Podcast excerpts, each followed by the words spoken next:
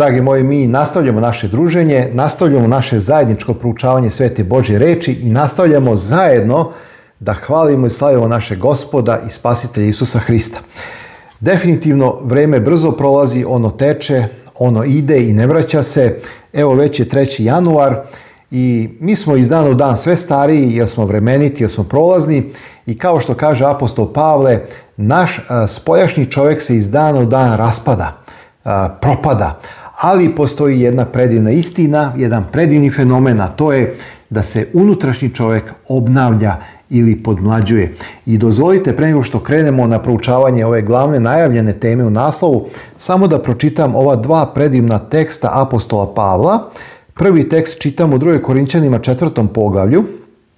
Čitat ćemo recimo od 15. stiha pa nadalje. Zapazite ove predivne reči koje toliko hrabre i toliko daju snagu da je to nevjerojatno. Kaže apostol Pavle, jer je sve vas radi da blagodat umnožena izobilo je hvalama na slavu Bože Znači sve što se desilo u planu spasenja, sve što je Isus učinio, jeste nas radi, tebe i mene radi da blagodat izobi. I sad kaže, zato nam se ne dosađuje. Zato što naš život ima smisla. Mi ne možemo biti u nekoj dosadi, jer prosto iz dana u dan se nešto dešava. Bog stalno nešto radi u našim životima. Kaže, ako se naš spoljašnji čovjek i raspada i prolazi jer smo vremeniti, ali se unutrašnji obnavlja svaki dan, jer naša laka sadašnja briga donosi nam večnu i od svega pretežniju slavu. Nama koji ne gledamo na ovo što se vidi, na ovo što je materijalno vidljivo, nego na ono što se ne vidi. Jer ovo što se vidi, kaže apostol Pavle, je za vreme, ono će proći. A ono što se ne vidi je za večno. Zato mi moramo napraviti dobar balans i odvojiti dovoljno vremena u našem životu da gledamo ono što ne može da se vidi fizičkim očima. A kako ćemo gledati? Pa gledat ćemo očima vere. Bože, ja te verom vidim. Bože, ja verom vidim taj duhovni svijet. Bože, ja verom vidim unaprijed taj eshaton, taj tvoj dolazak kojeg si obećao svima onima koji se nadaju o tvom dolasku. I ja verom vidim to carstvo koje je na vratima, koje samo što nije došlo. Dragi moj predivne reči apostola Pavla. Evo, morao sam ovo da podelim sa vama, jer ovo sam proučavao jutros. I onda kaže, recimo u Kološanima još nekoliko lepih reči. Kaže, ide gnev Boži na sinove protivljenja, u kojima i vi nekada hodiste kada živeste među njima. A sad odbacite i vi to sve, gnev, ljutnju, pakost, huljenje, sramotne reči iz usta svojih. Vidite, ne može iz jednog izvora ići i loše i dobro. Ne možemo malo pričati lepe stvari, a onda huliti i goriti psovki i tako dalje. I kaže, ne lažite jedan na drugoga, Svucite starog čovjeka sa delima njegovim, Vidite, uh, ovdje govori da se taj stari čovjek raspada. Ovdje kaže svucite. Oslobodite se tog starog čovjeka da vas ne pritiska, da možete u tom duhovnom smislu napredovati i rasti u Hristu. I onda kaže, obucite se u novoga koji se obnavlja za poznanje po obliči onoga koji ga je sazdao. Obucite se dakle kao izabrani Boži, sveti i ljubazni, u srdačnu milost, dobrotu, poniznost, krotost i trpljenje, snoseći jedan drugoga. Spojašnji čovjek, grešan, telesni, ne može da trpi, ne može da snosi, ne može da voli, tek tako i šta ja znam. Ali onaj unutrašnji, on je pozvan, kaže da ljubi, da trpi, kaže snoseći jedan drugoga, opraštajući jedan drugome ako ko ima tužbu na koga kao što je Hristos oprostio vama, tako i vi. A kako je Hristos oprostio? Pa bezuslovno. Kako je oprostio, dragi moji? Kako je oprostio? Bezuslovno. Kaže, tako i vi. Vidite, progres, eh, blagodat, nešto želi da radi u našim životima. Meni je tužna, dragi moji, duša kada ljudi kažu, ma mi smo spašeni, ako hoćeš nešto da uradiš, a vidi ga, kaže, hoće da se opravda delima, a vidi ga, tu nema blagodati, ti hoćeš nešto da zaslužiš spasenje. Pa, dragi moji, pogledajte ove tekstove. Blagodat nešto hoće da radi. Mi moramo da svučemo starog čoveka. Moramo da odbacimo gnev, ljutnju, pako, skuljenje, sramotne reči. A šta se onda dešava? Onda se ispunjavamo e, u srdačnu milost, dobrotu, poniz. Vidite, to je promjena. To nije opravdanje delima, to je, proces blagodati koje mijenja ljudsko srce, koja obnavlja onog unutrašnjeg čovjeka, a koji svlači ovoga koji se raspada, koji se e, raspada u svojim željama i tako dalje tako dalje. Evo, na neki način ovo je i uvod u ovu glavnu temu koje se sada okrećemo, a ona upravo govori o razlici između biblijskog hrišćanina i nominalnog profanog hrišćanina, sekularnog hrišćanina koji samo ima ime, koji samo izgovara da nosi titulu hrišćanin, ali nikako ne živi po, po Božoj e, volji. I zato zapazite, dragi moji, ja sam izabrao tri pravca u kojem ću ići ovaj, ovdje sada ukratko, a vi možete svakako još razmišljati, još proširiti ovu temu, jer ovim ja ne mogu sve iskazati. Malo je vremena. Ali vi možete u komentarima, baš bi voleo da vidim još neki tekst koji ćete vi navesti, e, koji će podupreti ono što ja sada delim sa vama. Pod jedan, biblijski hrišćanin posljednjeg vremena ima svedočanstvo večnog života i veruje u Sina Božjega. Znači, to je, to je, ne može da se zaobiđe. Po dva, on ljubi Boga i on ljubi bližnjeg. I po tri, on svedoči za Hrista. Hajde samo da ukratko pročitamo ove tekstove koji potvrđuju ovu predivnu istinu. Biblijski hrišćanin ima svedočanstvo večnog života i veruje da je on u Sinu Božjem Isusu Hristu. Sa Isusom Hristom sve počinje. Evo recimo prvo ona peta glava čitamo od 11. pa nadalje. I ovo je svedočanstvo da nam je Bog dao život večni, a ovaj život večni je u Sinu njegovom. Šta je život večni? Pa život večni je poznanje Boga, a to poznanje se otkriva u sinu njegovom. I kaže, ko ima sina Božega, ima život, ko nema sina Božega, nema život. I ovo vam pisah, koji verujete u ime Sina Božega, da znate, dragi moji, da imate život večni i da verujete u ime Sina Božjega. Znači, ne moramo da sumnjamo, ne moramo da mislimo da li smo spašeni ili nismo. Ako duboko verujemo i ako smo prihvatili srcem ovu istinu, mi imamo život večni, a to podrazumeva, dragi moji, pošto smo obnovljeni u Hristu, pošto smo ga prihvatili, pošto nosimo sada obliče Hristovo, da ćemo Boga ljubiti svega srca i da ćemo ljubiti bližnjega kao samoga sebe. A evo, dragi moji, sada čitamo te reči. Znači, po dva, biblijski hrišćanin voli Boga i svoga bližnjega. Matej 22. glava recimo ima mnogo tekstova, zato kažem ako vi želite neki tekst napisati da nekako dopunimo ovo naše proučavanje i ovu emisiju, napišite dole u komentaru. Ja sam izabrao Matej 22 od 37 pa dalje. A Isus reče mu, E, pita, pita ovaj e, mladić, kaže učitelju, koja je zapovest najveća u zakonu? Pitaju ga učeni ljudi onoga vremena. A Isus reče mu, ljubi gospoda Boga svoga svim srcem svojim i svom dušom svojom i svom misli svojom. ovo je prva i najveća zapovest, a druga je kao i ova, ljubi bližnjega svojega kao samoga sebe. O ovim dvema zapovestima visi sav zakon i proroci. Drugim rečima, celokupna reč Božja je utemeljena na ove dve zapovesti. Šta to znači, dragi moji? To znači da ljubav nije samo reč, ljubav je delo, ljubav je praktično hrišćanstvo, hrišćanstvo koje se živi iz dan u dan. Kako ćemo ispuniti prvu najveću zapovest? Tako što ćemo ispuniti prve četiri na ploči moralnog zakona. Ljubi Boga svojega svim srcem i svom dušom. Gde je Bog pokazao svoju volju? na prvoj ploči, a ljubi bližnjega svojega kao samoga sebe, gdje je to Bog pokazao? Na drugoj ploči gdje su uh, date zapovesti koje regulišu odnos prema mome bližnjem. Poštuj majku i oca, nemoj ukras, nemoj ubiti i tako dalje. Kaže apostol Pavle, ljubav ne čini zla bližnjemu. Ljubav je izvršenje uh, zakona. Znači, pravi biblijski hrišćani pokazat će u svom životu da su zaista oni koji su prihvatili onu prvu tačku o kojoj smo govorili, a to je da je Isus Hristos sin Boži i da verujući u Sina Božjega imaju život večni. Hrišćanin koji ima život večni će živeti životom ljubavi.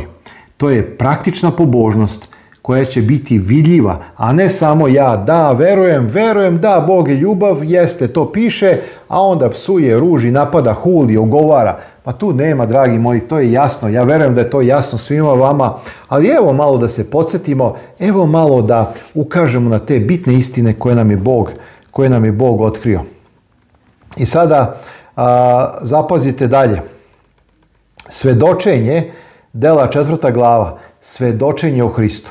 Znači, čovjek koji je prihvatio Isusa Hrista i veruje da je sin Božji, čovjek koji ljubi Boga cijelim svojim srcem i mislima i bližnje kao samoga sebe, dragi moji, šta može drugo osim da svedoči i da deli, da opominje, da ukorava, da upućuje ljude ka Hristu, da poziva ljude da ostave grehe, da se pokaju i da dođu do Isusa Hrista. Šta može drugo biblijski hrišćani?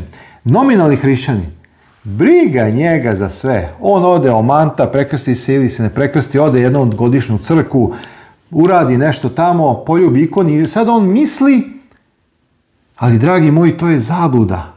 To nema veze sa hrišćanskim životom i sa onim što nas uči reč Božja.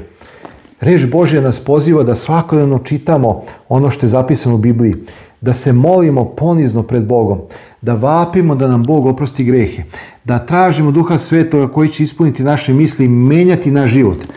To je ono što je, što je vezano za, za biblijskog hrišćanina. A nominalni hrišćanin, sekularni hrišćanin koji se osanja na neke tradicionalne stvari i običaje, on će živjeti nekim svojim životom, raditi ono što on hoće, ne ono što je Božja volja i smatrati da je dovoljno uradio. Ja ovo govorim ne da bi osudio, ne, taman posla, nego samo da bi ukazao da ako trenutno ima među vama oni koji su tako živjeli, da sednu malo, da razmisle. Evo početak je nove godine. Odlučite da ćete ove godine pročitati reč Božju. Odlučite da ćete dati malo vremena e, svetom pismu i vidjet ćete, dragi moji, koliko će vaš život biti promijenjen koliko ćete imati više smisla ispunjenosti u celoj ovoj priči o, kojoj sada govorim. E sada, evo samo jedan primjer, dela četvrta glava, od 18. do 20. stiha.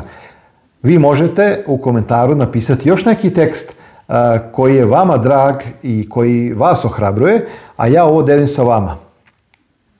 Ali da se dalje ne razilazi po narodu, da im oštro zapretimo da više ne govore za ime ovo nikome. Znači, Petar i Jovan su bili pred sudom, oni su dobili tu malo kritike, malo su im teli zapretiti i onda su rekli nemojte vi slučajno više da pričate o Hristu, jer inače ste gotovi, ima da vas sredimo.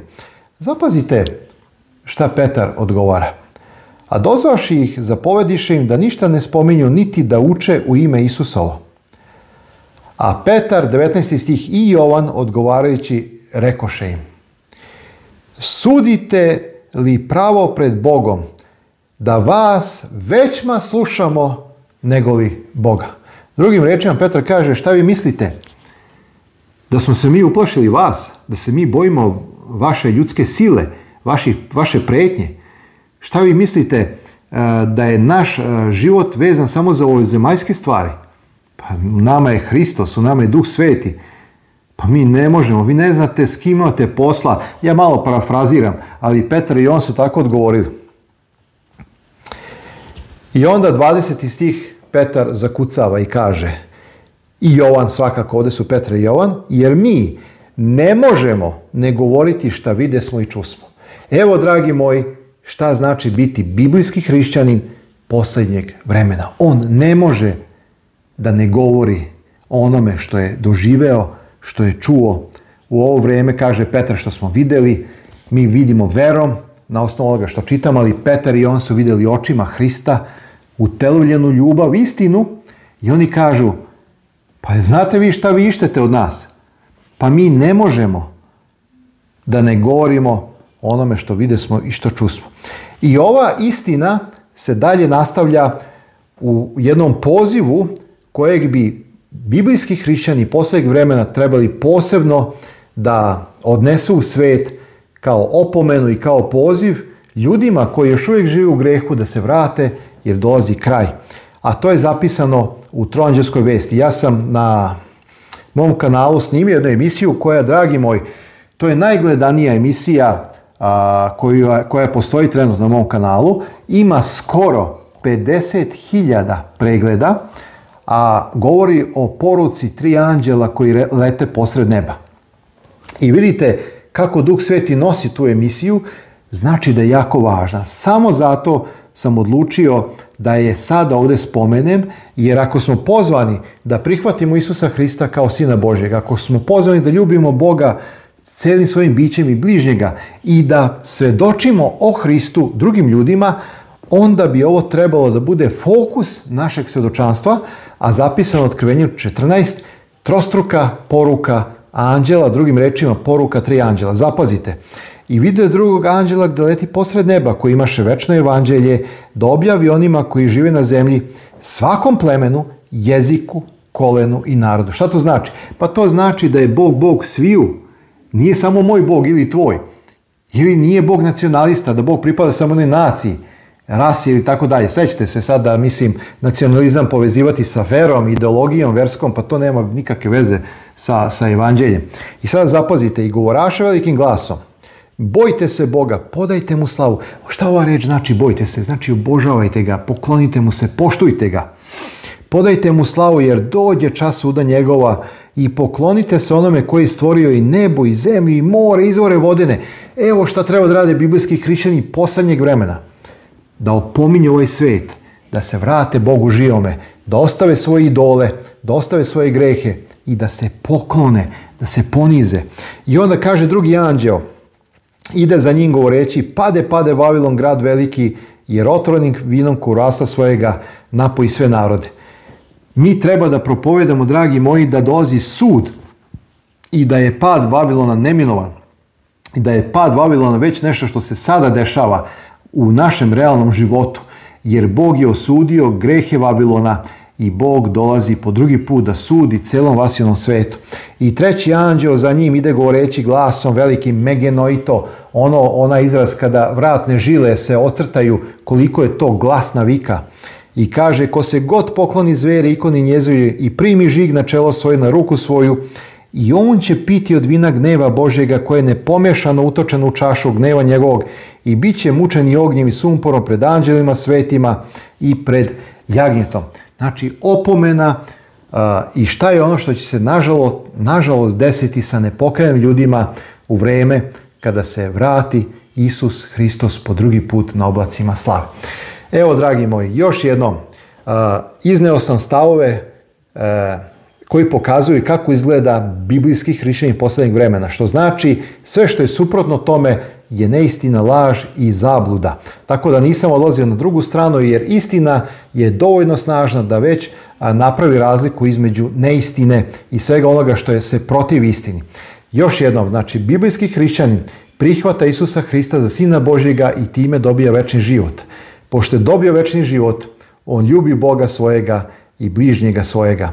I pod tri, dragi moji, biblijski hrišćanin ne može da ćuti bez obzira koliko su jake pretnje, bez obzira šta ovaj svet e, želi da uradi i na koji način da zapuši usta, mi koji smo u Hristu ne možemo čutati.